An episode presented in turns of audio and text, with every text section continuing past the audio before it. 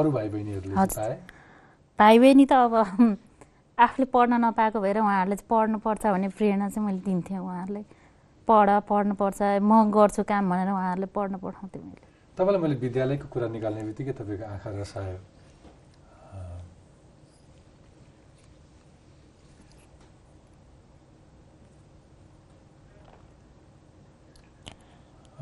किन आँखा रसायो? के के सम्झिनु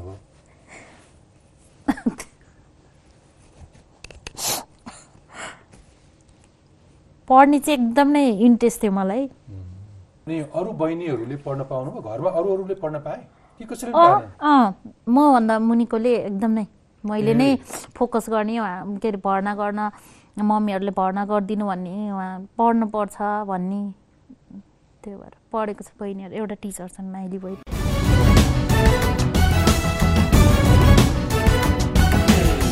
यो कहिले कहिले सडकमा बडो आतङ्कित तरिकाले त्यो साइरनहरू बजाउँदै विशेष गरी मन्त्रीहरू प्रधानमन्त्रीको गाडीहरू अथवा राष्ट्रपतिको सवारी भन्दा बाटै फ्रिज हुन्छ। त्यो बेलामा चाहिँ तपाईँहरूलाई तपाईँहरूलाई कहाँ पुऱ्याइन्छ? कसरी व्यवस्थापन गर्नुहुन्छ रामवरण यादवजी उहाँ शपथ खाने दिन रोको छु म। त्यही सवारी कुनै बेला बिस मिनटमा पार गर्छ भने त्यही सवारीलाई चाहिँ तिन घन्टा पनि हामीलाई एकदम के तिन घन्टा चाहिँ एक ठाउँतिर लगेर थुपारिदिएको अवस्था एउटा। कुनामा तपाईँलाई तिन घन्टासम्म ट्राफिकले। कसैको सवारीको नाममा थन्काइदिन्छ। थन्काइदिन्छ। त्यो के हो त त्यो? जनतालाई यति साह्रो आखिर बिस मिनटमा पनि त हुने रहेछ नि। त्यो पनि अनुभव गरेँ मैले। कुनै सवारीमा बिस मिनटमा चाहिँ भयो थियो भने अहिले कुनै सवारीमा चाहिँ तिन घन्टासम्म चाहिँ एउटा कुनामा लगेर चाहिँ टाउकोमा हात राख्दै बस्नुपर्ने अवस्था छ न टोयलेट छ यहाँ अनि त्यो दिनको कमाइ छैन। हात लाग्यो सुन्ने। हजुर। अनि तपाईँलाई सवारी हुँदैछ भनेर अगाडि पछाडि पनि कसैले भन्छन् कि सवारी हुनुभन्दा एक डेढ घन्टा अगाडि बाटोमा थन्काइदिने मात्रै हो? सूचना दिन्छन् कसैले? कसैले दिनुहुन्न।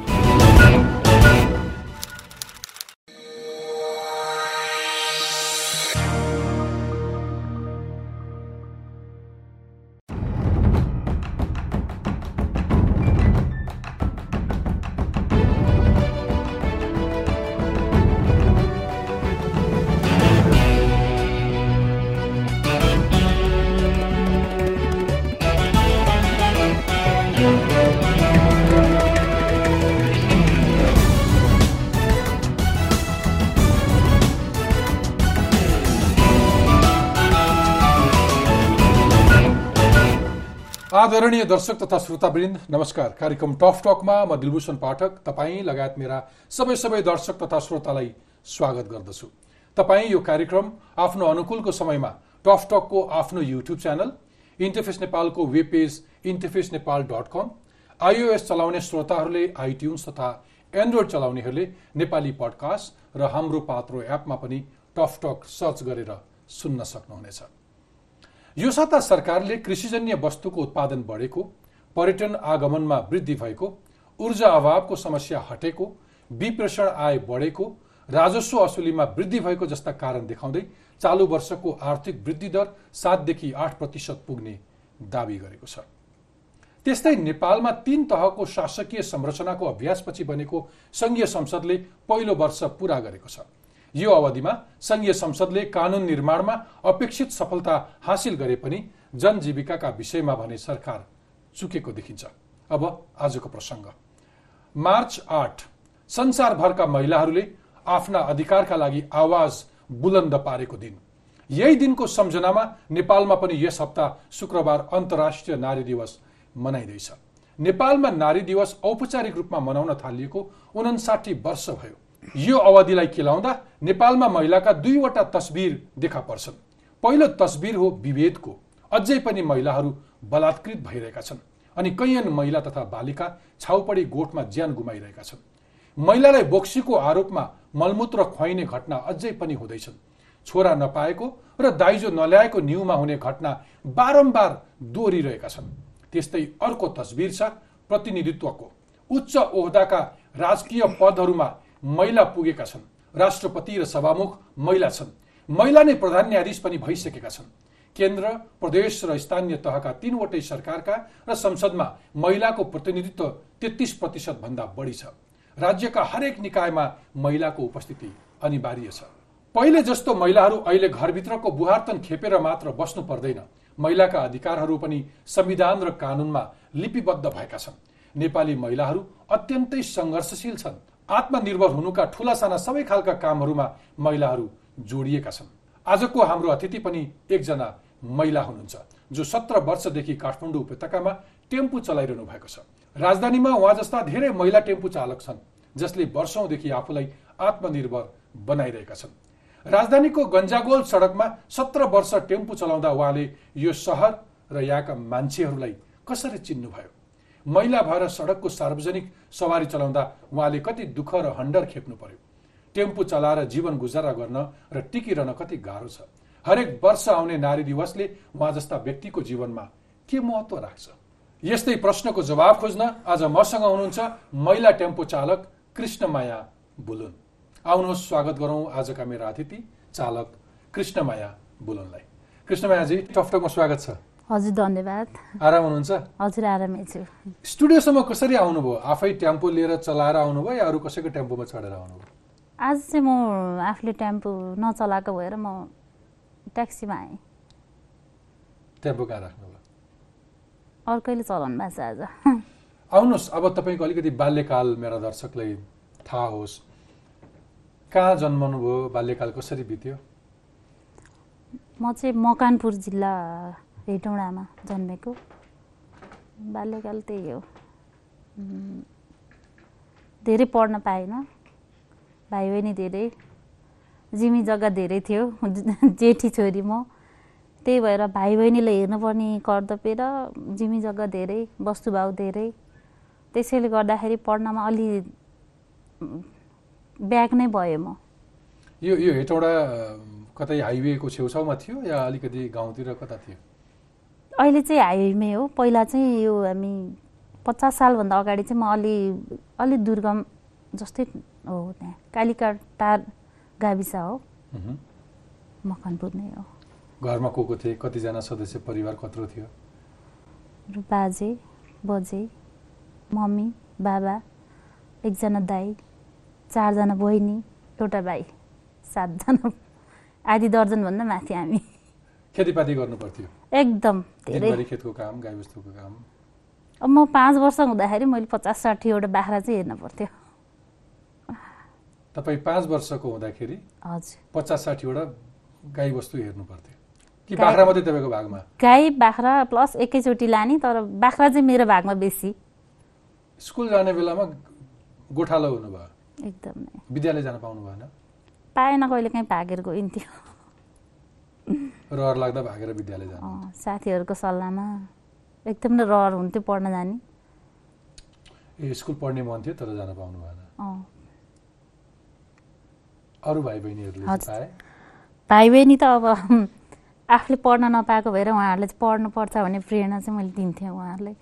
पढ पढ्नुपर्छ म गर्छु काम भनेर उहाँहरूले पढ्न पठाउँथेँ मैले।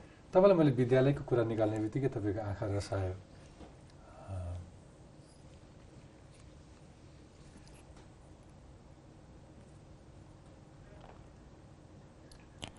किन आँखा रसायो के के सम्झिनु हो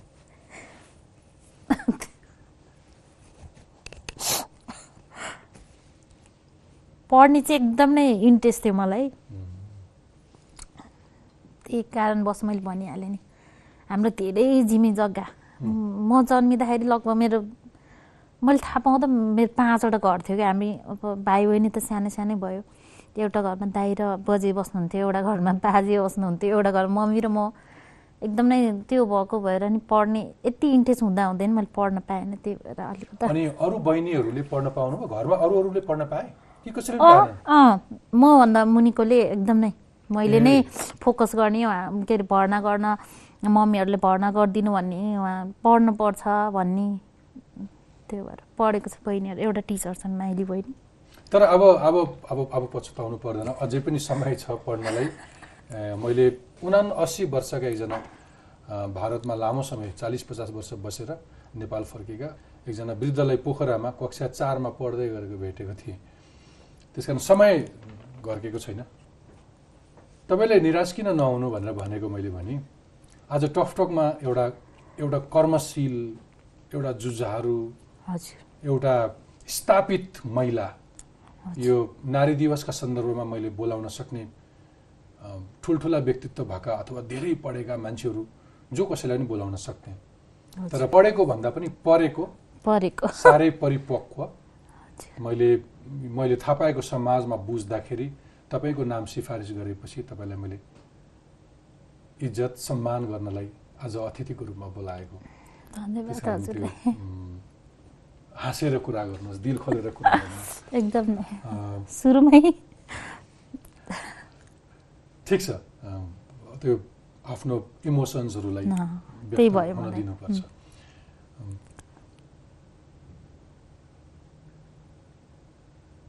तपाईँले टेम्पो चालक बन्न चाहिँ कहिले रहर लाग्यो? कसरी टेम्पो चालक हुन पुग्नुभयो?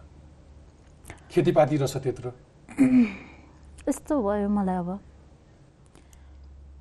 घरमा छँदैछ। अब मैले चाहिँ बाहिरी रूपमा नै केही गर्छु गर्नुपर्छ। महिलाले नै गर्न सक्छ भन्ने। एउटा म चाहिँ पत्र पत्रिका चाहिँ सानैदेखि पढ्न नआएँ जस मैले लुकी लुकी होइन सिकेको थिएँ जानेको थिएँ साथीभाइसँग अथवा कोहीसँग।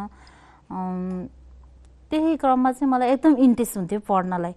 जसलाई पढ्न आउँदैन उसलाई इन्ट्रेस्ट धेरै हुने। मम्मी यसो बजारतिर काहीँ जानुभयो भने नाम लेखेर मम्मी यो पत्रिका चाहिँ ल्याइदिनु है। म हेर्छु भन्ने ट्राई त्यो भन्थेँ त्यो दिन पनि कान्तिपुर पत्रिका लाग्छ मलाई त्यो ल्याउनु भएको थियो मेरो मम्मीले। यसो हेरेको। फर्स्ट उसमै ठुलो टक स्टेरिङ समातेर एउटा महिला चाहिँ होइन राजधानीमा चाहिँ महिलाले पनि गाडी चलाएर खान सक्ने अथवा कि समथिङ त्यस्तो के लेखेर टक अनि मलाई यस्तो खुसी लाग्यो। ओहो यो ठाउँमा म कहिले जाने होला कसरी जाने होला यो कहाँ होला हामीले सक्छ। के म त्यो ठाउँसम्म कसरी पुग्ने के माध्यमबाट पुग्ने भन्ने मलाई चाहिँ एकदमै एकदमै त्यतिखेर भइरहेको थियो। अनि त्यसपछि मेरो एउटा फुपू बस्नुहुन्थ्यो काठमाडौँ साधो बाटोमा उहाँहरू चाहिँ जानुभएको थियो मेरो घर। अनि मैले कुरा राखेँ उहाँसँग। मैले यस्तो यस्तो देखेँ पत्रिकामा यो के हो र हो भन्दा हो महिलाहरूले सुरु गर- गरेछन् छ भन्नुभयो। त्यसो भए म नि मलाई लगिदिनुहोस् देखाइदिनुहोस्। म नि यो गर्न चाहन्छु भनेपछि उहाँहरूले ठिक छ हुन्छ। पैसा अलिअलि बोकेर हिँड नि त के छ कसो छ भन्नुभयो। मसँग त पैसा छैन भने मैले अब पैसा नभए त हामीले नि कसरी लगेर त्यहाँ चाहिँ उ गर्न सक्छौँ त भन्नुभयो। ठिक छ मेरो एकदम मिल्ने मेरो छिमेकी माइजी हुनुहुन्थ्यो। उहाँलाई कुरा राखेँ मैले माइजी। काठमाडौँमा चाहिँ यस्तो यस्तो चाहिँ आएको रहेछ महिलाहरूको लागि। मलाई पनि यो गर्ने एकदम नै इच्छा छ। मलाई हेल्प गर्न सक्नुहुन्छ। हुन्छ भान्जी। कति चाहियो? काठमाडौँ जान गा- गाडी भाडा कति लाग्छ भनेको? एक सय साठी कति भन्नुभएको थियो फुपूले।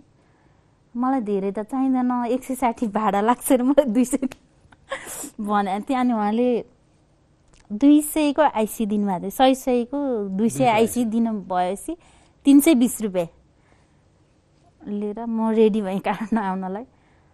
मम्मीले कति सब- वर्षको हुनुहुन्थ्यो म सोह्र सत्र त्यही हो सोह्र त्यस्तै सत्र अनि मम्मीले चाहिँ साह्रै रिसाउनु भयो मम्मी दाइले चाहिँ तल उसम्म आएर गाडी रोकिदिनु भयो काठमाडौँ आउने फुपू म दाइले सहयोग गर्नुभयो भएन आमा बुवालाई थाहा थाहा थिएन सायद बुवालाई भन्नु के अरे मैले भनेर आएको भए म यहाँसम्म आउने थिएन होला किनकि उहाँले त मलाई आउन दिनुहुन्थेन कि जेठी छोरी जेठी छोरी विद्रोह जस्तै गरेर अथवा त्यो दिन चाहिँ मैले ऊ नै गरेर हिँडेँ घरमा।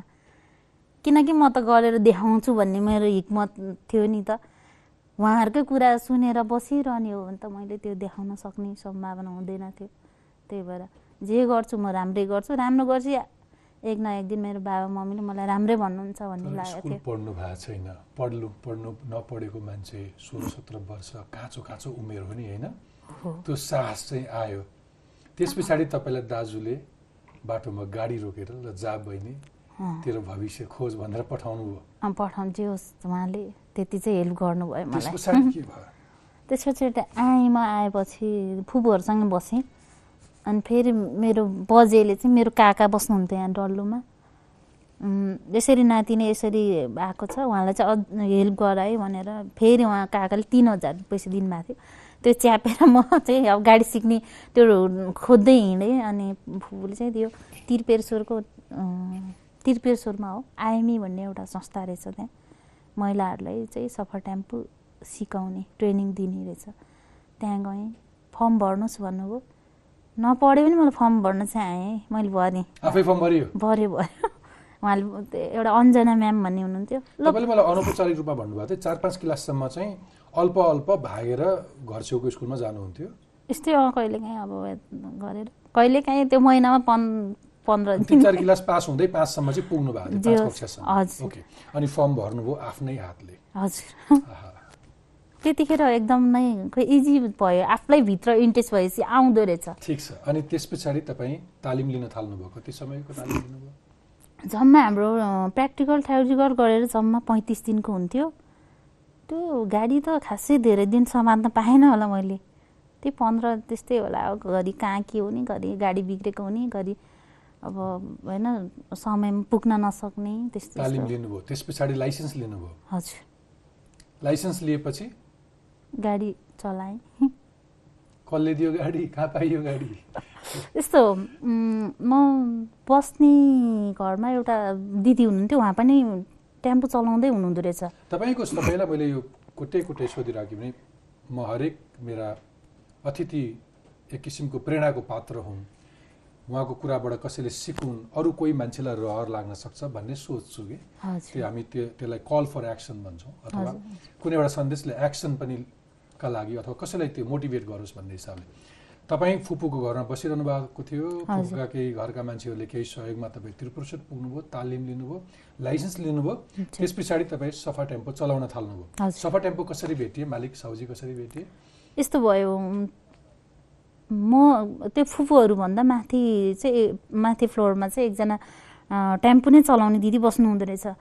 अनि मलाई खोइ उहाँले के भएर "उम्, बहिनी लाइसेन्स आयो भन्नुभयो। अँ दिदी तिन दिन भयो म चार दिन भयो मेरो लाइसेन्स आएको भने। देखाएँ देखाऊ त देखाएँ अनि उहाँले भन्नुभयो त्यहाँ हाम्रोमा गाडी छ दिन्छ कि दिँदैन होला। केटी मान्छेलाई खासै दिन त मान्दैन। त्यही पनि हिँड न म कुरा गरिदिन्छु भन्नुभयो उहाँले। अनि म खुसी भएर उहाँसँग गएँ। गइसकेपछि त्यहाँ महालक्ष्मी धानमा महालक्ष्मी चार्जिङ स्टेसन भन्ने रहेछ। ठुलो एउटै मान्छेको चाहिँ पन्ध्र सोह्रवटासम्म गाडी रहेछ त्यतिखेर अनि गइसकेपछि अनि उहाँ बहिनी नि गाडी चलाउनुहुन्छ लाइसेन्स छ गाडी दिनु सक्नुहुन्छ भनेर रिक्वेस्ट गर्नुभयो उहाँ दिदीले। लाइसेन्स हेरौँ त भन्नुभयो त्यहाँको कर्मचारीहरू हुनुहुँदो रहेछ। अनि लाइसेन्स देखाएँ। मेरै कास्टको हुनुहुँदो रहेछ क्या ब्लोन तर्को। त्यहाँ कर्मचारी चाहिँ ए हाम्रै चेलीबेटी पो रहेछ उहाँ त। भनेर अलि हौसला जस्तो अलि मलाई होइन त्यो गर्नु भएपछि ल मैले कन्फर्म काम चाहिँ पाउने रहेछ भन्ने लाग्यो। अनि त्यही नजिकै त्यो गाडी मालिकको घर रहेछ। ल एउटा बहिनी चाहिँ गाडी खोज्दै आउनु भएको छ। लाइसेन्स पनि छ गाडी चलाउन पनि सक्नुहुन्छ। दिने हो कि होइन सर? भनेर उहाँले भन्नुभयो। खै हेरौँ त भन्नुभयो माथिबाट। म गएँ अनि हुन्छ दिएर पठाउन त भन्नुभयो। त्यसपछि त्यसरी नै। सुन्दर। कुन रुट थियो? पहिलो रुट मेरो यो लगन खेल जाउला खेल माइतीघर बानेश्वर कोटेश्वर हुँदै फेरि साधु त्योभन्दा अगाडि संयोगले त्यो बाटो हिँड्नु पनि भएको थियो? म गाडी सिक्न आउँदाखेरि यो पुतली सडकमा ठेउ ठेउरिकल चाहिँ पुतली सडकमा हुन्थ्यो।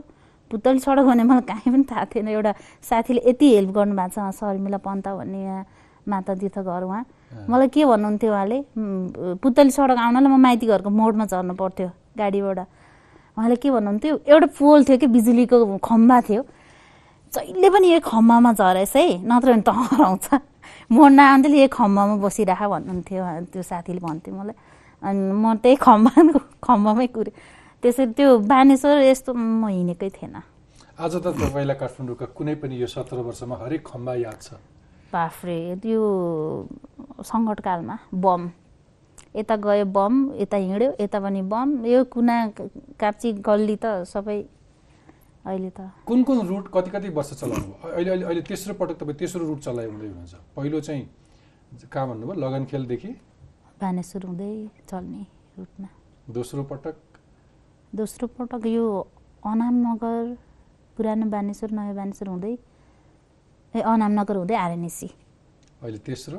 तेस्रो काठमाडौँ आरएनएसी गोलफुटार हजुर। अक्सर मान्छेहरूलाई चाहिँ जस्तो म आफै पनि गाडी चलाउँदाखेरि आधा एक घन्टा मात्रै पनि काठमाडौँको सडकमा बस्नु पऱ्यो भने काली लाग्छ मान्छेहरू। आत्तिन्छन् उन- उनको सेन्सले काम गर्न छोड्छ। मान्छेहरू बडो रिस व्यक्त गर्छन् रिसाउँछन्। तथा नाम बोलेको देखिन्छ सडकमा। मैले राम्रै विदेशको सडकहरूमा पनि बेजिङमा एउटा कुनै ड्राइभर गाडीबाट उत्रेर अगाडिको अर्को ड्राइभर पनि उत्रेर दुईजना लडेको पनि देखेको छु। सडक भन्ने बित्तिकै त्यो पारो चढ्छ त्यसमा पनि काठमाडौँको सडक यहाँको धुलो धुवा त्यसमाथि पनि राम्रै सभ्य मान्छेहरूले पनि त्यो ट्राफिक अनुशासन पालना नगर्दाखेरि त्यो पारो छुट्छ। बिहानदेखि बेलुकैसम्म गएको सत्र वर्ष निरन्तर गाडी चलाइरहनु भएको छ नि। हजुर। तैपनि हँसिलै देखिनु भएको छ। तैपनि उज्यालै हुनुहुन्छ। होइन म रिस कतै उठ्छ सडकमा? नडाँटी भन्नुहोस्। रिस कस्तो कुरामा चाहिँ उठ्छ भन्दाखेरि सबैभन्दा हाम्रो ड्राइभिङ उसमा चाहिँ यो बाइकवालालाई जोगाउन गाह्रो छ क्या? लेनको मतलब छैन। साइड लाइट भने के हो? कता जाँदैछ कता बालिँदा हुन्छ। त्यतिखेर चाहिँ हुन्छ। जब ज- डल्लै सडकको नेम थाहा छैन भने त्यो सडक युज किन गर्ने भन्ने मलाई लाग्छ। म्याक्सिमम् चाहिँ बाइकवाला नै हो बाइक स्कुटर। तर यस्तो हुँदो रहेछ। पैदल हिँड्ने मान्छेले अरू सबैलाई के बेढङ्ग तरिकाले हिँड्छन्? यो बाइकवाला यो साइकलवाला यो टेम्पोवाला यो बसवाला यो कारवाला भन्दा रहेछन् पैदल हिँड्नेले। हजुर। साइकल हिँड्नेले यो पैदलवाला हिँड्न यसलाई हिँड्न आउँदैन। यो गाडीहरूले पनि पेल्छन् भन्छन्। बाइकवालाले यो कस्तो साइकलवाला? यो पैदलवाला के हो? यो ठुलो गाडीले यतो दुःख दियो भन्छ। अर्को गाडीले फेरि बाइकवाला खराब ठुलो गाडीवाला। अर्को ठुलोले अरूलाई सब जो जहाँ छ होइन तपाईँ आफै पनि सडकमा हिँड्दाखेरि गाडीले अनुशासनै न न फलो नगरे जस्तो लाग्छ नि होइन? तपाईँ छोरी लिएर हिँड्नुभयो भने। केटाकेटी लिएर हिँड्यो भने। आत्तिन्छ नि। त्यो चाहिँ कसैले तपाईँले सडकमा बढी चाहिँ बाइकवालालाई भन्नुभयो तर कसैले अनुशासन त त्यति राम्रोसँग फलो गर्दैन। कि बाइकवालाले मात्रै बढी जस्तो? प्राइभेट गाडीहरूले चाहिँ अलिकता उहाँहरूलाई चाहिँ यो मान्छेलाई मैले गर्दा असर परिरहेछ कि छैन भन्ने कुरो चाहिँ अलि बुझ्नुहुन्न। मोबाइलमा व्यस्त। लेनको पनि खासै उहाँहरूले उ गर्नुहुन्न। गाडी अब कहाँ सोलो कुदाउने कहाँ स्पिड कुदाउने उहाँहरूले त्यो पनि आफ्नै आफ्नै ढङ्गमा के। आफ्नै तरिकाले। किन होइन उहाँले गाडी म स्पिड आइरहेछ उहाँले स्लो गरिदिनु हुने बित्तिकै मलाई त एकदम नै गाह्रो हुन्छ नि त। तर त्योहरू मैले भने होला बाइक स्कुल सडक के अरे प्रयोगकर्ताहरूले चाहिँ बाटोघाटोमा हिँड्ने बटुवादेखि लिएर उहाँहरूको पनि गल्ती त छ नि। माथि पुल छ मुनिबाट क्रस गरिदिनुहुन्छ। रोक रोक गाडी। पाँच लाख हो भन्ने पनि होइन मैले भेटाएको छु कि। ए रोक रोक गाडी के के?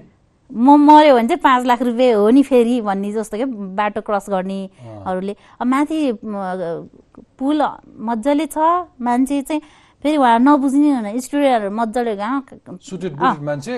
जेब्रा छोडेर माथिको पुल छोडेर छोडेर जहाँ पाए त्यही अझ ए यस्तो हात उ गरेर त्यो। एकदम त्यो आफ्नो घरको आँगन हो कि जस्तो गरेर हिँड्नुहुन्छ उहाँहरू। कति घन्टा बिताउनुहुन्छ तपाईँ दैनिक सडकमा? तेह्र घन्टा त प्राय हुन्छ। तपाईँ तेह्र घन्टा त्यो अप्ठ्यारो सिट भएको सफा टेम्पो जहाँ तपाईँ सिधा बसेर हेर्नुहुन्न निहुरेर स्टेरिङ समाएर हिँड्नुहुन्छ। तपाईँले त्यो पत्रिकामा जुन बेला स्टेरिङ समाएको एउटा महिला देख्दाखेरि जुन एउटा अठोट आयो म यो घर यो यो घर बर्तन अथवा यो खेत बारी यो यो गाई बस्तुबाट बाहिर निस्किन्छु राजधानी जान्छु भनेर जुन सपना देखेर सपनालाई पछ्याउँदै आउनुभयो हजुर। र आज जुन सपनालाई मूर्त रूप दिनुभयो कहिले कहिले अत्यास पनि लाग्छ यहाँको सडक गन्जागोल देखेर। सडक त धेरै एकदम अस्तव्यस्त। अहिले गाडीको सङ्ख्या बढी। भन्नुहुन्छ अहिले त सडक ठुलो भएको छ साङ्ग्रो छैन। पहिला सडक साङ्ग्रो हुँदा गाह्रो थियो होला अहिले सडक फराकिलो भएको छ सजिलो छ भन्नुहुन्छ। तर म चाहिँ त्यसमा सहमत छैन किनभने पहिला सडक सानो थियो गाडी पनि थोरै थियो। अहिले सडक ठुलो भएको छ गाडी पनि धेरै भएको छ कि।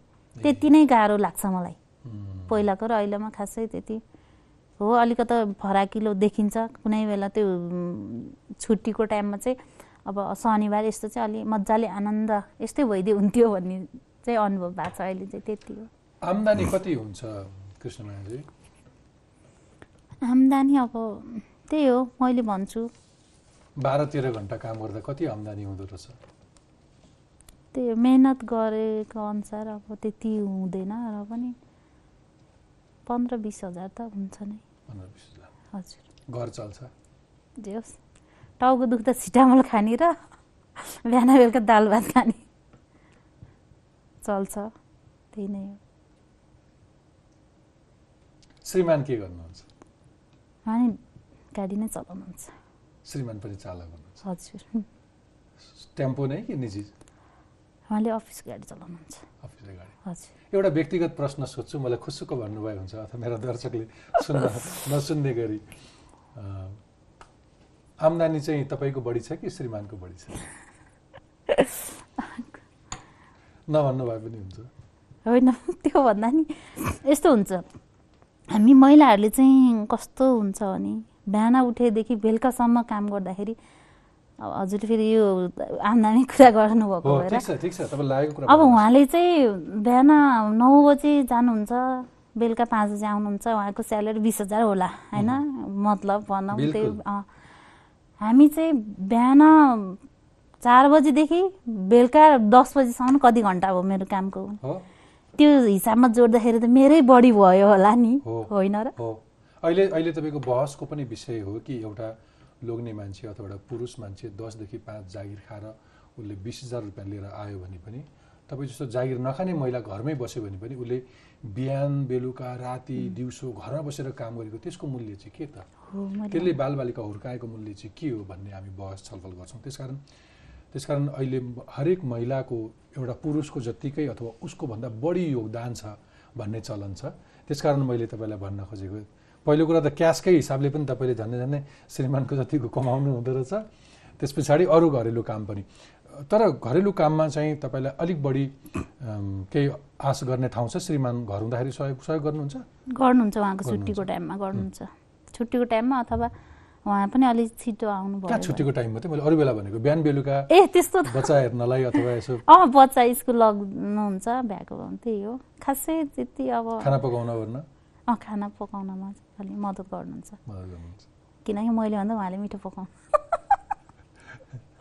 माझ्ने र धुने काम चाहिँ फेरि आफै अगाडि सर्ने होला। होइन उहाँले नि उहाँले पनि गर्नुहुन्छ। ए बराबर छ। सुन्दर। यो सबै परिवारले सिकुन् अरूले पनि देखुन् भलै म घरमा अलिकति अल्छिसो काम गर्दिनँ तर पुरुषले एउटा घरमा महिलालाई जति सघाउँछ परिवार त्यति सुखद हुन्छ होला। किनकि उहाँलाई थाहा छ नि त उहाँको र मेरो पेसा सेम भएको भएर उहाँलाई मेरो पीडा मलाई थाहा के अरे उहाँको पीडा मलाई थाहा छ मेरो पीडा उहाँलाई थाहा छ। त्यही भएर सहयोग त अब त्यो बिचरा ऊ पनि थाकेर आएको छ तिमी पनि थाकेको छौ। ओके यो सत्र वर्षसम्म काठमाडौँका सडकमा तपाईँले टेम्पो चलाउँदाखेरि त मित्रता पनि त धेरै भयो होला नि। आफन्तहरू पनि त धेरै बनाउनु भयो होला नि। एउटा महिलालाई माया पनि गर्छन् होला नि। के के छ? कस्तो सहर हो यो? कसरी कस्तो लाग्छ यो हेटौँडा भन्दा? कस्तो छ यो काठमाडौँ सहर? यस्तो हो। मान्छे जो आफ्नो क्षमतामा बाँचिन्छ आफ्नो ऊ छ भनेपछि जसले नि त्यो हेर्ने दृष्टिकोण चाहिँ राम्रो हुँदो रहेछ के? मेरो साथीहरू भन्नुहुन्छ तिम्रो त सिप छ। हामी छैन के गर्ने? तिम्रो त सिप छ। अब हामीले उहाँ मेरो साथीहरू कति पढेको साथीहरू हुन्। हामीले पढेर के भयो? पढे पढे बिहा गऱ्यो आखिर नानी जन्मेर त्यतिकै बसेछ। तिमी त नपढे पनि त यत्रो गरेर खाएको छ नि। योभन्दा राम्रो योभन्दा ऊ चाहिँ के छ र? उहाँहरूले लास्टमा सिपमै लग्नुहुन्छ कि? सिपमै ठुलो रहेछ भन्ने कुरो चाहिँ मलाई चाहिँ एकदमै गर्व लाग्छ। त्यसो भए भनिदिनुहोस् न ती तपाईँको कुरा सुनिरहँदाखेरि कति सिप नभएका महिलालाई लाग्दो हो कि? ओहो त्यो सिप कहाँबाट लिने? हजुर। तपाईँसँग त अनुभव छ। होइन? त्यो सिप अथवा तपाईँको ठाउँमा आउनको लागि मैले यो भनिरहेको छैन कि विद्यालय छोडेर कोही आओस्।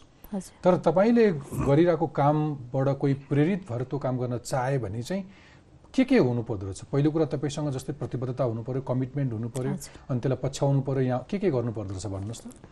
सबैभन्दा कुरो चाहिँ इच्छा जाग्नुपर्छ क्या मान्छेले? मनबाट मनबाट। म चाहिँ यो गर्छु। देखासी मैले चाहिँ हो दिनमा मैले पैसा गनेको देखेर चाहिँ होइन कि? उहाँहरू चाहिँ म चाहिँ गर्छु। साँच्चीकै म गर्छु। गर- गरेरै देखाउँछु गरेरै खान्छु। भन्नुभयो भने उहाँहरूले उपाय इच्छा भने उपाय अनि त्यस पछाडि भेटिन्छ। त्यस भेटिन्छ, पछाडि पत्रिका। भेटिन्छ अथवा तालिम दिने ठाउँ भेटिन्छ। अथवा काम अथवा कस्ता कस्ता कामहरू रहेछन् भने त्यो थाहा पाइन्छ। अनि त्यो पहिल्याउँदै गयो भने गर्न सकिन्छ भन्ने तपाईँको सल्लाह। उहाँहरूलाई मैले के भन्छु कामलाई सानो ठुलो नसोचौँ। आफ्नो क्षमता अनुसार दिमाग अनुसार सिप अनुसार उहाँहरूले एकदम नै एकैचोटि ठुलो भाग हेर्नुहुन्छ क्या। त्यो चाहिँ नहेर्नु भन्छु किनकि हाम्रो महिलाहरू मैले भने मलाई बिस हजार त मैले कमाउँछु यहाँ होइन? बिस हजार कमाउनको लागि खाडी मुलुकमा गएर दुनियाँ महिलाहरू है। म हेर्छु कि इन्टरभ्यू के अरे युट्युबमा हेर्छु अहिले विशेष गरी। यति रुवाबासी यति बिचोक। किन जानुहुन्छ उहाँहरू?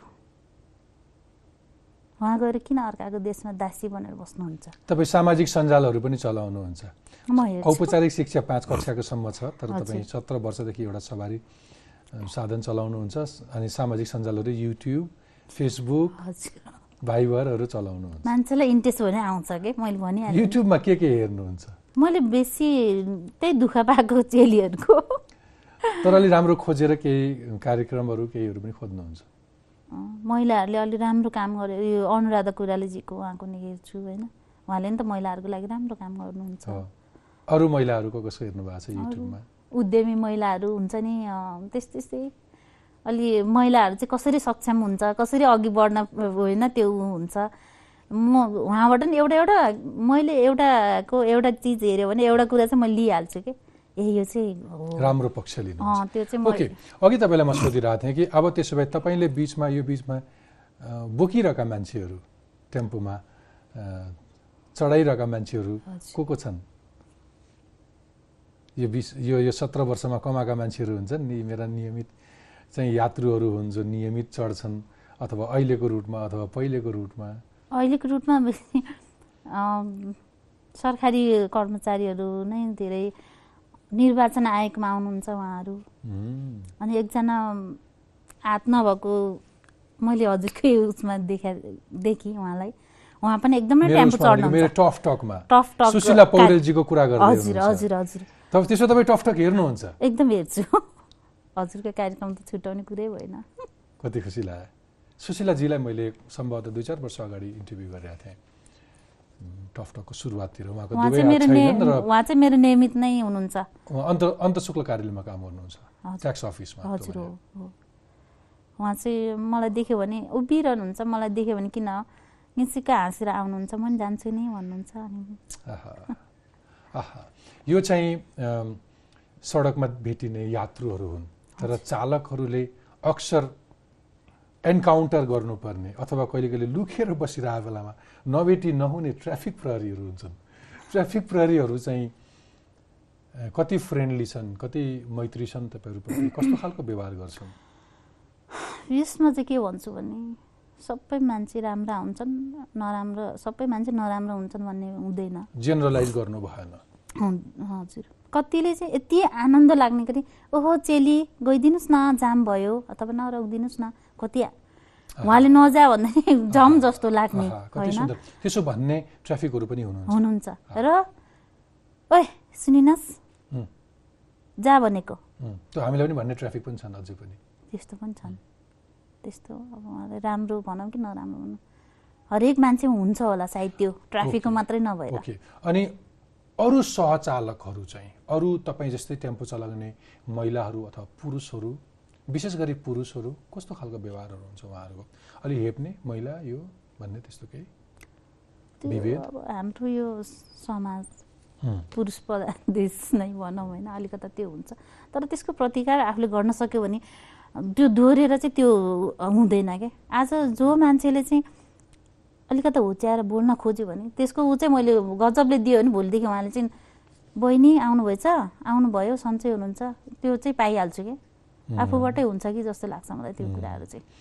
अनि अर्को चाहिँ सडकमा भेटिने अलि हतार भएको बेलामा भेटिने। तपाईँहरू त चालक के हतार हुन्छ होला? हामीलाई चाहिँ अलिक बढी हतार हुन्छ। यात्रु बढी आत्तिन्छन्। एकदम हामी झन् आत्तिन्छौँ है? कहिले पुग्ने हुन्छ। ओके। यो कहिले कहिले सडकमा बडो आतङ्कित तरिकाले त्यो साइरनहरू बजाउँदै विशेष गरी मन्त्रीहरू प्रधानमन्त्रीको गाडीहरू अथवा राष्ट्रपतिको सवारी भन्दा बाटै फ्रिज हुन्छ। त्यो बेलामा चाहिँ तपाईँहरूलाई तपाईँहरूलाई कहाँ पुऱ्याइन्छ? कसरी व्यवस्थापन गरिन्छ? रामवरण यादवजी उहाँ शपथ खाने दिन रोएको छु म। रुनु भयो? हजुर। के भयो? यताबाट यता यताबाट यता एकदम नै आत्यो मान्छे मेरो पेसेन्जर नझरिदिने क्या हामीलाई जसरी हुन्छ लग। जसरी हुन्छ लग। त्यो ठाउँमा पुग्नै पर्ने तपाईँले ट्राफिकले त्यहाँबाट हिँड्न दिँदैन। उहाँहरूले लक भन्न नि स्वाभाविक हो। किनकि त्यो रुट भनेको मैले अहिले गाडी चलाउने रुट भनेको। न्युरो हस्पिटल गङ्गालाल हस्पिटल हुन्छ नि टिचिङ अब हरेक हस्पिटल त्यही लाइनमा। कसैको मुटु चिरेको हुन्छ कसैको टाउको चिरेको हुन्छ कसैको बच्चा चाहिँ होइन त्यहाँ चाहिँ एकदमै सिरियस हुनुहुन्छ। तर उहाँहरूलाई चाहिँ मैले टाइममा जुन उहाँहरू जानु ठाउँमा त्योसम्म चाहिँ मैले लान सक्दिनँ कि। त्यतिखेर म यति दुःख लाग्छ। बिचरा उहाँहरू ट्याक्सी समात्नुहुन्छ ट्याक्सी चढ्ने पैसा पो छ कि छैन होला उहाँलाई? भन्ने मलाई त्यो यो। पीडा चाहिँ अक्सर तपाईँले रामवरण यादव यो सङ्घीय गणतान्त्रिक नेपालका प्रथम राष्ट्रपतिको शपथ ग्रहणको गर्नेको- बेलामा तपाईँले यो सुनाउनु भयो कथा तपाईँले टाउकोमा हात लानु त्यस्ता अरू घटनाहरू पनि आजभोलि पनि दोहोरिरहेको छ अहिले अहिले हेर्नु अहिले चाहिँ कस्तो हो भने यो के म कुरै बुझिरहेको छैन किनकि त्यही सवारी कुनै बेला बिस मिनटमा पार गर्छ भने त्यही सवारीलाई चाहिँ तिन घन्टा पनि हामीलाई एकदम के तिन घन्टा चाहिँ एक ठाउँतिर लगेर थुपारिदिएको अवस्था एउटा। कुनामा तपाईँलाई तिन घन्टासम्म ट्राफिकले। कसैको सवारीको नाममा थन्काइदिन्छ। थन्काइदिन्छ। त्यो के हो त त्यो? जनतालाई यति साह्रो आखिर बिस मिनटमा पनि त हुने रहेछ नि। त्यो पनि अनुभव गरेँ मैले। कुनै सवारीमा बिस मिनटमा चाहिँ भयो थियो भने अहिले कुनै सवारीमा चाहिँ तिन घन्टासम्म चाहिँ एउटा कुनामा लगेर चाहिँ टाउकोमा हात राख्दै बस्नुपर्ने अवस्था छ न टोयलेट छ यहाँ अनि त्यो दिनको कमाइ छैन। हात लाग्यो सुन्ने हजुर। अनि तपाईँलाई सवारी हुँदैछ भनेर अगाडि पछाडि पनि कसैले भन्छन् कि सवारी हुनुभन्दा एक डेढ घन्टा अगाडि बाटोमा थन्काइदिने मात्रै हो? सूचना दिन्छन् कसैले? कसैले दिनुहुन्न। म चाहिँ न्युज हेर्छु बेसी। तपाईँले व्यक्तिगत तहमा न्युज हेरेर अनुमान गर्ने एउटा नभए सिस्टमले हजुर। ट्राफिकले अथवा कसैले सूचना कुनै रेडियोमा आदि इत्यादि केही छैन। केही छैन। एक्कासी हुन्छ। तर म चाहिँ अलिकति न्युज बढी हेर्ने भएर साथीहरूले पनि भन्छु म आज है सवारी हुँदैछ नि यति बजीदेखि यति बजीसम्म फलान ठाउँमा। भनेपछि साथीहरूले त्यसो भए ल अलि छिटो गर्नुपर्छ अब कसरी हुन्छ मिलाएर गर्नुपर्छ भन्ने टाइपको कुरा गर्नुहुन्छ उहाँहरूले। त्यही नै हो सवारी चाहिँ लास्टै नै दुखित बनाएको छ त्यो रुटमा चाहिँ विशेष। अरू अप्ठ्यारा सडकका अरू अप्ठ्याराहरू के के छन्? तपाईँले महिला चालक भनेर विभेद गरेको कुनै घटना छ? सम्झिनुहुन्छ? त्यो पनि छ। भन्नुहोस्। उहाँ चाहिँ भनौँ कि नभनौँ उहाँको सरकारी कार्यालयबाट उहाँ गेटबाटै हात दिनुभयो उहाँले। मन्त्रालय अगाडितिरबाटै। मन्त्रालय त नभनौँ जे होस् एउटा सरकारी कार्यालय अगाडिबाट हात दिनुभयो। रोक रोक भन्नुभयो? भन्नुभयो। मैले पनि थाहा पाएँ र मेरो पछाडिको पेसेन्जरले पनि। एकजना आउँदै हुनुहुन्छ रोक्नुहोस् बहिनी भन्नुभयो ठिक छ मैले रोकेँ। नजिक आएर हेर्नु ए लेडिज पो रहेछ। भन्नुभयो उहाँ पनि लेडिजै हुनुहुन्थ्यो। अनि तपाईँको टेम्पो चढ्नु भएन। भएन ठिक छ? भने उहाँको दिमागले जतिसम्म सोच्न सक्नुभयो त्यही नै हो भने हिँडेँ म। के गुनासो गर्नु होइन? भनेको तपाईँले तपाईँलाई देखेर एउटा कुनै महिलाले तपाईँलाई देखेर यो महिला चालक रहेछ भनेर तपाईँलाई विश्वास गर्नु भएन र टेम्पो चढ्नु भएन। सायद डराउनु भयो होला उहाँ। कता लगाएर ठोक्काइदिन्छ कि? त्यही भएर नचढौँ भन्ने भयो अहिलेसम्म होला। ठोकाउनु भएको छैन छैन? त्यस्तो रेकर्ड छैन अहिलेसम्म ठोकाउनु भएको छैन। ट्राफिक उसमै हजुरहरूले खोज्नुभयो हुन्छ। सफर टेम्पोको हकमा सायद जिरो नै होला। आजसम्म। तपाईँले यो सत्र वर्ष तपाईँले चलाउँदाखेरि कुनै दिन टेम्पो ठोकाउनु भएन। ठोकाएको छैन। ट्राफिकको कारवाहीमा पर्नु भएको छ? ट्राफिक कारवाही चाहिँ परेको छु। कस्तो खालको कारवाही? कस्तो हो भने त्यो रोक्न निषेधको बोर्ड पनि थिएन। रेगुलर मान्छे त्यहाँ मैले जहिले झारिरहेको। ठाउँ त्यो दिन चाहिँ ट्राफिक उभिरहनु भएको थियो। मलाई थाहा भएन कि उहाँले चिट मलाई काट्नुहुन्छ भनेर। एउटा मान्छे झारिहालेँ। उहाँले नि खोज्नुभयो होइन त्यो त म पनि परेको छु कहिले कहिले रङ पार्किङ प्लेसमा त्यस्तो एउटा सामान्य अध्ययन कहीँ पढेको थिएँ मैले कि। कि यो दुर्घटनाहरू हुन्छ नि। हाइवेहरूमा अझ ठुल्ठुला दुर्घटनाहरू हुन्छन्। अक्सर दुर्घटनाको कारण चाहिँ त्यो चालकको मनस्थिति अथवा उसको मनोवैज्ञानिक कारणले हुँदो रहेछ। उसलाई घरबाट निस्किने बेलामा श्रीमतीको अथवा घरको बाबुको अथवा अरू कसैको छोराछोरीको कस्तो व्यवहार थियो आर्थिक रूपमा उसलाई कुनै समस्याहरू छन् कि भरे साँझ के गर्नुपर्ने छ उसका व्यक्तिगत अथवा साउजीले कस्तो दबाब दिइरहेको छ होइन? ती सबै कुराहरू चाहिँ त्यो ड्राइभरको मनस्थिति त्यसले पनि अर्थ राख्छ अनि धेरै दुर्घटना हुँदो रहेछ। भनिन्छ। त्यसमा पनि तपाईँको काठमाडौँको ड्राइभिङ आफै चाहिँ प्रेसर बढ्ने खालको सामान्य त्यो दिमाग पनि तात्ने खालको होइन खालको छ नि। तपाईँलाई चाहिँ के लाग्छ? दुर्घटनाका कारणहरू के के हुन्? मलाई मलाई यो लाग्दैन किनकि जब म स्टेरिङमा बसिसकेपछि मैले दायाँ बायाँ मैले सोच्दिनँ। त्यो हो नि त। त्यो साउजीले के भन्ला मेरो घरमा? बिहान चाहिँ झगडा गरेको थियो। अब के गर्ने त्यो सोच्ने होइन। मेरो काम हो। म जब त्यो स्टेरिङमा बसिसकेपछि त मेरो त्यो त राम्रोसँग पुरा गर्ने त मेरो दायित्व हो नि। होइन र? त्यो दायाँ माया सोच्ने कुरै आउँदैन मलाई चाहिँ। मलाई चाहिँ। अच्छा।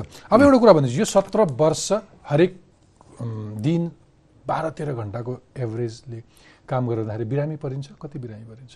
बिरामी त हुनु। अब बिहान बेलुका अफिस जाने मान्छेहरू बिहान एक टाइम बेलुका एक टाइम अफिस जाने मान्छेहरू धुलो भयो धुवा भयो एकदम गाह्रो भयो भन्नुहुन्छ। हामी तेह्र घन्टा धुलै धुलो खाएर बस्दाखेरि कस्तो हुन्छ होला? त्यही नै त्यही पनि यति उज्यालो देख्छु म तपाईँलाई। होइन उज्यालो त हुनै पर्यो। अनि धुलो धुवाको कारणले गर्दाखेरि त्यो श्वास प्रश्वासको समस्या एकदम गाह्रो। हस्पिटल गइरहनु पर्ने। मलाई चाहिँ जचाउन जाँदाखेरि डक्टरले तपाईँ चाहिँ धुलो र धुवाबाट चाहिँ बच्नुहोस् है भन्नुभएको थियो। ए म कहाँ अब हिमाल हिमालमा जानु म अब? मेरो पेसै चाहिँ धुलो र धुवा हो भनेपछि म कसरी बज्ने? अब होइन तपाईँ विचार गर्नुहोस् न। बिमा गर्नु भएको छ कृष्णमाजी मैले गर्ने कोसिस चाहिँ धेरै छ गरेँ तर गरेको छैन। आजसम्म इन्सुरेन्स गर्नु छैन। तपाईँको गाडीको चाहिँ इन्सुरेन्स गरे होला साउजी साउजीले गर्नुहुन्छ। कस्तो दुर्भाग्य है यो देशमा कि सवारी साधनको चाहिँ बिमा हुन्छ साउजीले गरेको हुन्छ। त्यो सवारी साधन तपाईँले चलाउने सवारी साधनको मूल्य कति छ? दस बाह्र लाख? दस बाह्र लाख।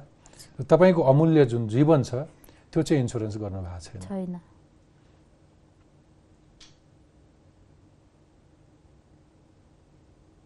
सरकारले काहीँ नियमहरूमा कानुनहरूमा चाहिँ महिलाहरूलाई जग्गा जमिन रेजिस्ट्रेसन पास गर्नु पऱ्यो भने केही छुट उद्योग दर्ता गर्नु पऱ्यो भने केही छुट विद्यालयमा बालिकाहरूको शिक्षाका लागि केही छुट अथवा छात्रवृत्तिहरू यस्ता अनेकन सुविधाहरू छ। सडकमा यसरी चालक बनेका महिलाहरूको लागि चाहिँ केही त्यस्तो बिमाको व्यवस्था अथवा उपचारमा त्यस्तो केही छुट केही मेसो पाउनु भएको छ? काहीँ त्यस्तो केही छैन। त्यो त सुन्ने त्यो कानो गोरु जस्तै छ हाम हाम्रो हेर्ने दृष्टिकोण सरकारको भनौँ न। जो जो गएको सत्र वर्षदेखि बिहान र बेलुका ती सरकारी कर्मचारीहरू बोक्छ होइन गाडीमा। सरकार चाहिँ केही थाहा पाउँदैन भन्नुहुन्छ। उहाँहरू त अझ के कसको अलि कहिलेकाहीँ सांसदहरू पनि चढ्नु हुँदो रहेछ यहीँ गाडी रोक। अनि मेरो यहाँ रोक्नै मिल्दैन कसरी रोक्ने अनि कसले दिँदैन? ल म छु रोक उहाँ। त्योसम्म भन्न भ्याउनुहुन्छ कि उहाँहरूले? जबरजस्ती पनि गर्नुहुन्छ कि भनेको तपाईँ यो भन्दै हुनुहुन्छ कि हाम्रो सडक भद्र गोल छ व्यवस्थित छैन र यसको कुनै अनुशासन छैन। छैन छैन। सुटेड बुटेड मान्छेले पनि सडक अनुशासनको पालना गर्दैन। यहीँनेरि जेब्रा क्रेस क्रस हुन्छ अनि त्यसको पचास मिटर टाढाबाट मान्छे बाटो काटिरहेको छ। त्यो चाहिँ म आफू पनि बच्नुपर्छ भन्ने होइन कि? गाडी चलाउने मान्छेले बचाइदिए बचाइदिए हुन्छ अथवा केही भइहाल्यो भने उसले सम्पूर्ण चाहिँ ठुलो हस्पिटलमा। भनेको तपाईँ बेफिक्री हिँडिरहेका धेरै मान्छेहरू दैनिक तपाईँ सयौँ त्यस्ता मान्छे बचाउँदै गाडी कुदाउँदै हो? पऱ्यो नि अब के? कहिले काहीँ त हातले नि घचेर्दै हिँड्नुपर्ने हुन्छ। उहाँहरूलाई गाडी आएको नि थाहा हुँदैन अब के गर्ने? ए हो। अब अब अलिकति व्यक्तिगत कुरा गरौँ। छोरी छ। हजुर। कति वर्ष कि? पाँच वर्ष। पाँच वर्ष लाग्यो। हजुर। छोरी के बनिदियोस् जस्तो लाग्छ तपाईँलाई? के बनाउन मन छ? मान्छेलाई डेफिनेटली अब ऊ हुन्छ। मेरो अहिले भनिदिन्छ नि पाइलट डक्टर दुनियाँ इन्जिनियर के के। तर मलाई यही नै बन्नुपर्छ भन्ने हुँदैन। छोरा या छोरी होस् राम्रो शिक्षा दिन सक्नुपर्छ। आ आफ्नो खुट्टामा उभिएर आफ आफू निर्भर हुने। त्यो चाहिँ बनाउन म चाहन्छु छोरीलाई। तपाईँले तपाईँसँग कुरा गर्दाखेरि मैले यति धेरै ज्ञान लिइरहेको छु। कहाँ पढाउनुहुन्छ छोरीलाई? गोलफुटारमा ब्लोसम एकाडेमी। एलकेजीमा पढ्दैछ राम्रै छ विद्यालय। जे होस् मैले राम्रै लाग्छ। शिक्षकले अथवा त्यहाँका प्रधान अध्यापकले विद्यालयले आम अभिभावकहरू जस्तै समान व्यवहार गर्नुहुन्छ तपाईँलाई कि टेम्पो चालक भनेकोले झन् बढी रेस्पेक्ट छ अथवा अलिकति? यति रेस्पेक्ट पाएँ मैले। त्यो एरियामा चाहिँ त्यो स्कुल चाहिँ अलि राम्रो। रेस्पेक्ट पाउनु भएको छ। रेस्पेक्ट तपाईँलाई बोली व्यवहारले मात्रै कि कुनै छात्रवृत्ति दिएर प्रोत्साहन पनि गरेको छ गर्नुभएको छ।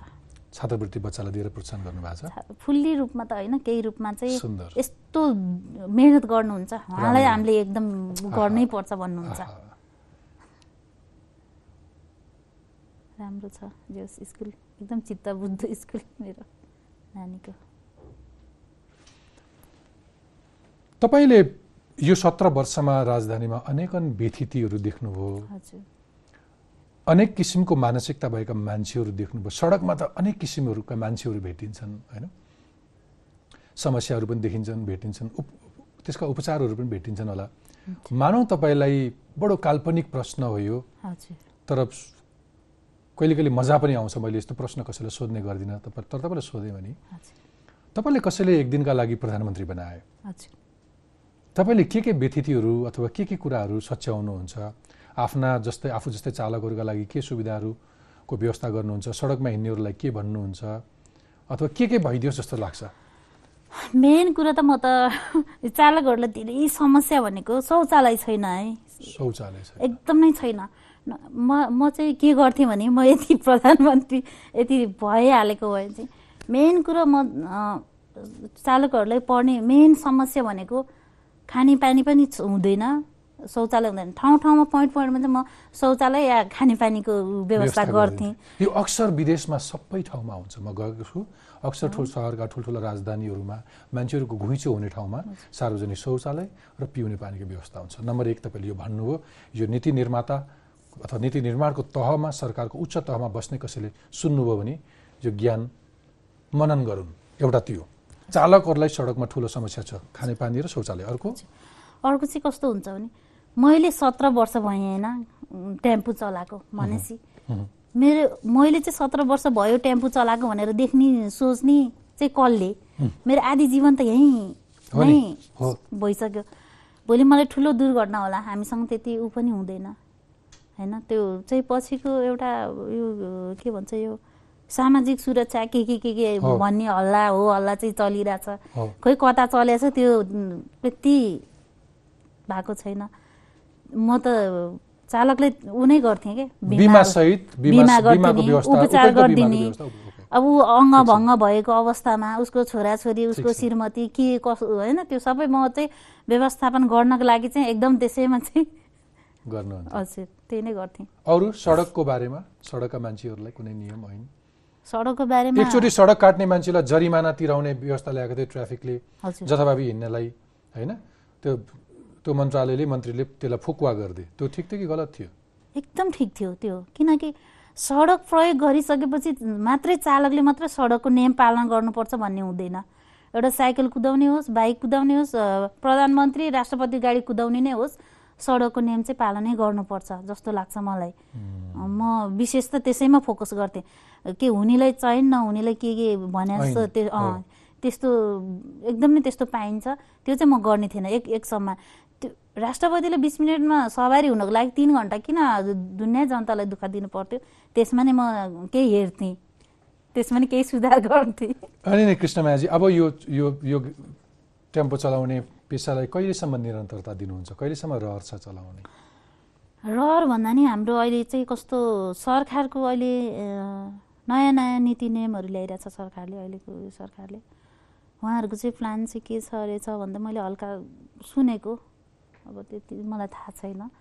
यो सानो गाडी चाहिँ सबै हटाएर ठुलो ठुलो बसहरू ल्याउने प्लानमा हुनुहुन्छ अरे उहाँहरू भन्ने सुनेको छ अब त्यो हो होइन त्यति. मलाई ऊ छैन। यदि त्यस्तो भयो भने त डेफिनेटली हामीलाई केही न केही समस्या हुन्छ। त्यसपछि त अब सत्र वर्ष भइसक्यो टेम्पो चलाएको अरू सिप पनि केही छैन। अब यसको विकल्प के गर्ने भन्ने म नै त्यसमै दोधारमा छु अहिलेसम्म। यो हुन्जेलसम्म त म यसमै निरन्तर अथवा केही स्टेपहरू गर्न त मलाई नि मन छ। कतै सरकारी कार्यालयतिरको गाडी हाँक्न पाएँ होइन। टक्क कोट प्यान्ट लगाएर मन्त्री प्रधानमन्त्री उहाँहरूलाई पनि ड्राइभरले नै लग्नुहुन्छ नि। उहाँहरूलाई अफिस लग्ने ल्याउने मन्त्रालय लग्ने घर त्यो। त्यसमा पनि लेडिजको पनि केही कोटाहरू चाहिँ आओस् कि? महिलाको पनि केही कोटाहरू। छुट्याइदियोस् के? त्यो भयो केही संस्थाहरू जस्तो युएनमा केही महिला चालकहरू हुनुहुन्छ।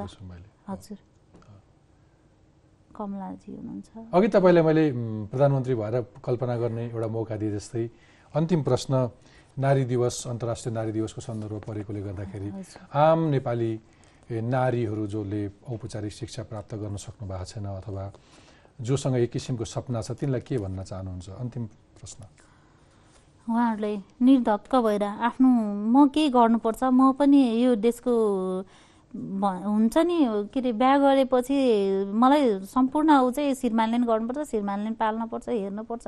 त्यस्तो मानसिकता चाहिँ बनाउनुहुन्न कि हामी महिलाहरूले। उहाँहरू जो जति आत्मनिर्भर हुनु हुनु पर्यो एक त एक त जो चाहनुहुन्छ जसले चाहिँ म गरेर खान्छु भनेर चाहनुहुन्छ नि उहाँले ठाउँहरू उपायहरू हरेक पाउनुहुन्छ। तर त्यो गर्नु पर्यो र कति पीडित महिलाहरू हुनुहुन्छ कति विदेशमा अब यहीँ स्वदेशमै घरेलु कामदारमा अथवा हुन्छ नि त्यस्तै। तर त्योभन्दा नि आफ्नै एकदम भयो भने त्यसमा नि दुःख मान्नु पर्ने आफू सही पोजिसनमा छ भने त त्यो पीडित भएर रोएर कराएर हिँड्नुपर्ने अवस्था आउँछ जस्तो लाग्दैन। जुनसुकै पेसामा जुनसुकै उसमा होस्। कृष्णमायाजी म टकटकमा पछिल्लो पटक सबैभन्दा बढी रमाएको जस्तो लाग्यो आजको सो तपाईँको।